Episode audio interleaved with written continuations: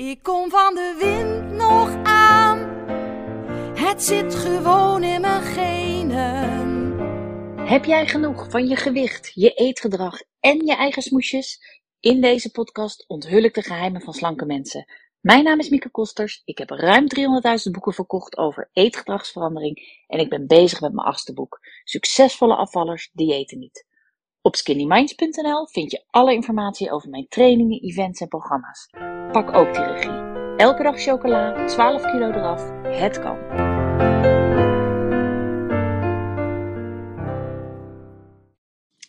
Goed, het is weer tijd voor een nieuwe podcast. Uh, ja, voordat ik uh, begin hoor, maar ik wil toch even kwijt dat ik zo blij ben met het 100 dagen programma wat ik sinds september uh, aan begeleiden ben. Ja, je kunt nu niet instappen, dus wat dat betreft daarvoor zeg ik het niet. Maar ik vertel het eigenlijk alleen maar omdat ik zo enthousiast ben.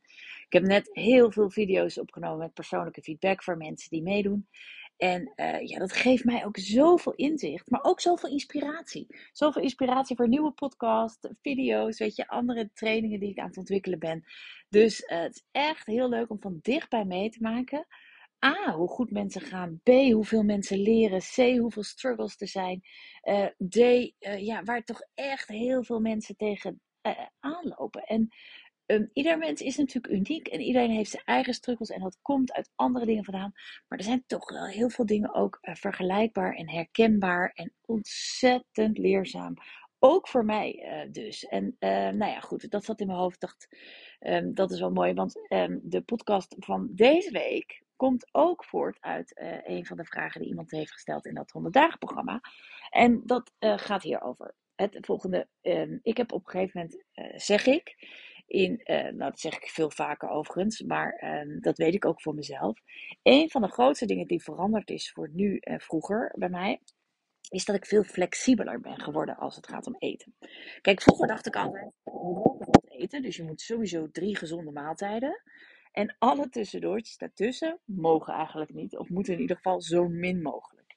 Dus ik was helemaal niet bezig met, heb ik nu wel echt trek? Uh, wat doe ik nu liever? Uh, wil ik echt iets eten nu?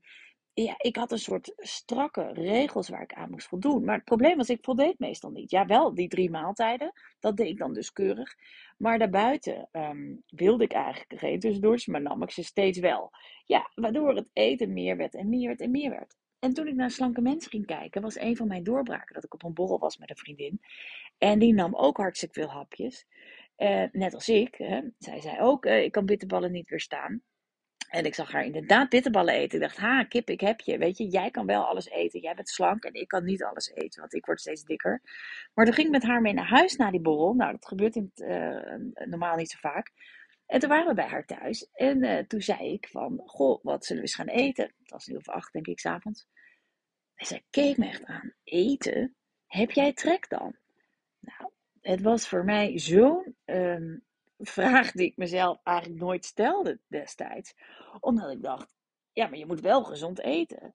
Maar ik had ook helemaal geen trek, want ik had hapjes gegeten op die borrel.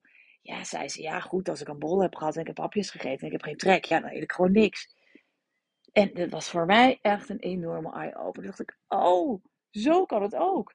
Want dan ga je dus niet en, en, en doen, maar dan is het of, of. En dat verhaal, dit verhaal, vertel ik uh, veel vaker. Om ook als uh, tip aan mensen mee te geven. En niet omdat ik nu zo graag bekend wil staan als degene die zegt: joh, eet rustig bitterballen en hapjes en sla gewoon lekker je eten altijd over. Dat is natuurlijk niet wat ik je aanraad. Want dit gaat over incidenten en patronen. Maar uh, je wordt helemaal niet minder of slechter uh, van een keer wel hapjes eten bij een borrel en dat doen in plaats van je avondeten. Dat doe ik nu ook, nou eigenlijk best regelmatig. Niet dat het een patroon is, want zo vaak heb ik ook weer niet uh, borrels met allerlei hapjes. En ik vind ook niet lang, lang niet alle borrels en zeker lang niet alle hapjes er geschikt voor. He, heel vaak kies ik of wijn of hapjes. Maar Um, ik doe het wel zo. Dus uh, ik had de afgelopen week nog een uh, borrel en er waren allemaal hele lekkere happen. Dacht ik, nou prima, ik neem gewoon deze hapjes, dat mijn avondeten. Dus als dat incidenteel zo is, dan scheelt dat natuurlijk heel veel. Want dan is dat een hele bewuste keuze waar ik heel blij mee ben. En um, het maakt je een stuk flexibeler als je op deze manier over eten kan denken. Als je niet zo strikt per se gezond moet eten, of per se dit of per se dat, maar dat je daar een bepaalde flexibiliteit eigenlijk in ontwikkelt. Die past in jouw leven, die past in jouw uh, manier van eten, die past in jouw manier van, um, nou ja, leven, wat ik al zei. Daar gaat het eigenlijk om. Um, en ik geloof hier heilig in. Dus ik geloof dat deze uh, flexibiliteit ook heeft natuurlijk een bepaalde relaxedheid in zich.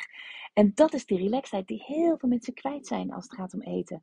En zeker als ze afvallen, weet je, dan moet alles strikt. En dan is een, een plan gemaakt en een basiseetpatroon, daar mag je niet van afwijken. Dus daar ging het eigenlijk deze week over, of tenminste, dat was vorige week hadden we het daarover. En uh, toen was dit dus een van mijn tips. Joh, weet je, uh, wees ook gewoon relaxed hierin. Pragmatisch. Kijk hoe het loopt, wat uitkomt. En dat hoeft niet altijd zo, maar af en toe is dat echt geen enkel probleem. Nou, toen kreeg ik de vraag van iemand die zei: Ja, ik ben het daar ook mee eens. En ik wil dat eigenlijk ook. En ik wil ook best wel graag een relaxte relatie. Maar ja, vroeger toen ik geen kinderen had of toen ik kleine kinderen had, vond ik dat veel makkelijker.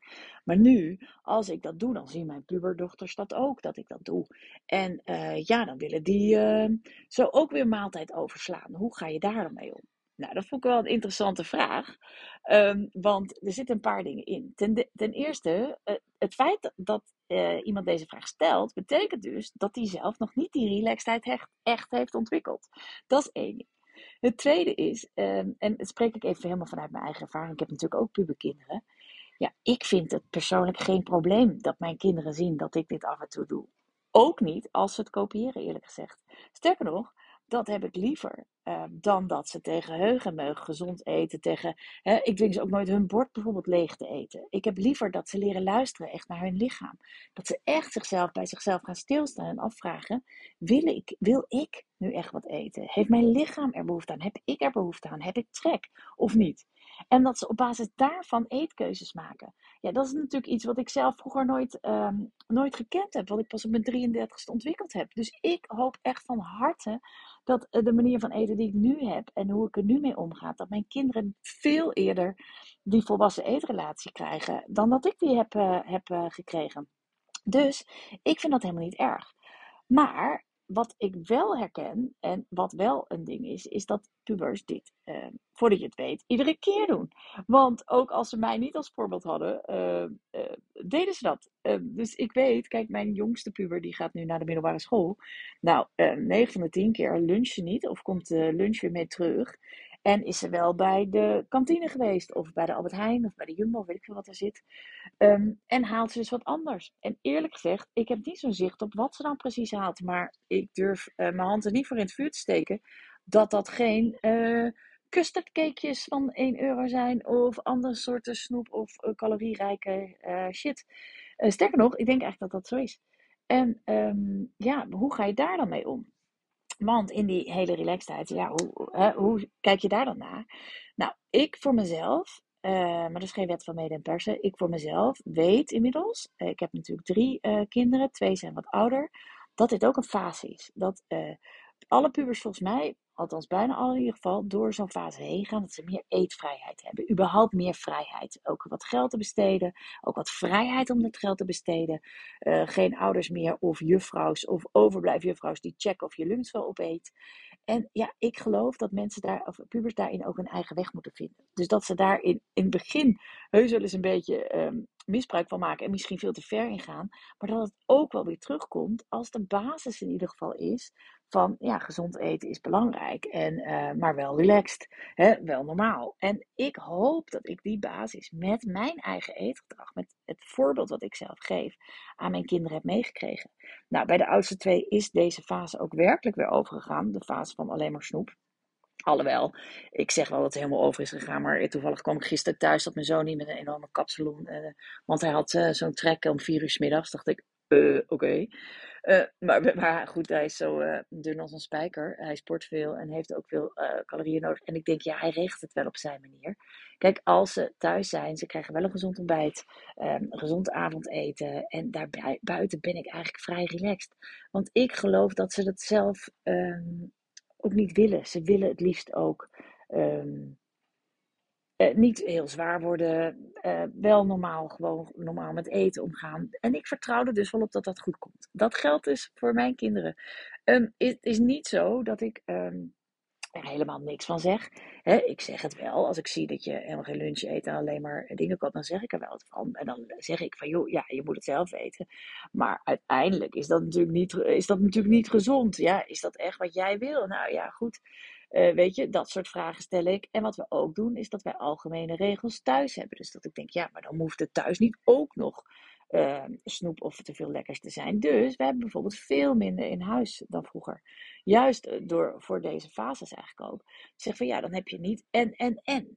Maar uh, als je dan zelf wat haalt door de week, hoeft het niet thuis ook nog. En we hebben algemene regels die niet specifiek voor iemand gelden, maar die voor ons allemaal gelden. Namelijk een uur voor het avondeten wordt er niet meer uh, wat anders gegeten. Een uur voor het slapen gaan wordt er niet meer gegeten. Dat zijn dingen waar iedereen zich uh, aan te houden heeft dan thuis. Dus uh, ja, dat is in ieder geval hoe ik er naar kijk. Dus als jij vraagt van, uh, ja, maar is dat dan geen slecht voorbeeld? Kijk, ik geloof dat je, als jij weet wat voor soort eetrelatie jij wilt, waar jij voor gaat, en als dat is, juist wat relaxter zijn, flexibel zijn en slank zijn en, hè, laten we zeggen, 80-20, 80% gezond zijn. En dan is het allerbelangrijkste wat je als ouder kan doen, is dat voorleven. Daar geloof ik heilig in. Ik geloof dat opvoeden heel vaak voorleven is. En zeker als het gaat om eetgedrag. Dus als ze zien dat jij daar niet zo moeite mee hebt en het gewoon relaxed doet en uh, en dat je gezond bent en dat je huid er goed uitziet en dat jij uh, afvalt of steeds fitter wordt en steeds slanker wordt en het gaat op die manier eigenlijk heel relaxed, dan denk ik dat er nooit een bel aan te vallen is. Um, dus ik zou zeggen, vertrouw erop uh, dat ook uh, pubers moeten leren um, luisteren naar hun lichaam, luisteren naar zichzelf, keuzes maken voor zichzelf. Hoe wil ik met eten omgaan? Hoe wil ik zijn? Wat past bij mij? Hoe wil ik omgaan met bewegen, met sporten? Net zoals dat voor jou uh, zelf een uitdaging is. Um, ja, dat is wat ik hierover te zeggen heb. Ik hoop dat je er wat mee kunt, dat je er wat aan hebt. Maar dit is in ieder geval hoe ik er zelf mee om.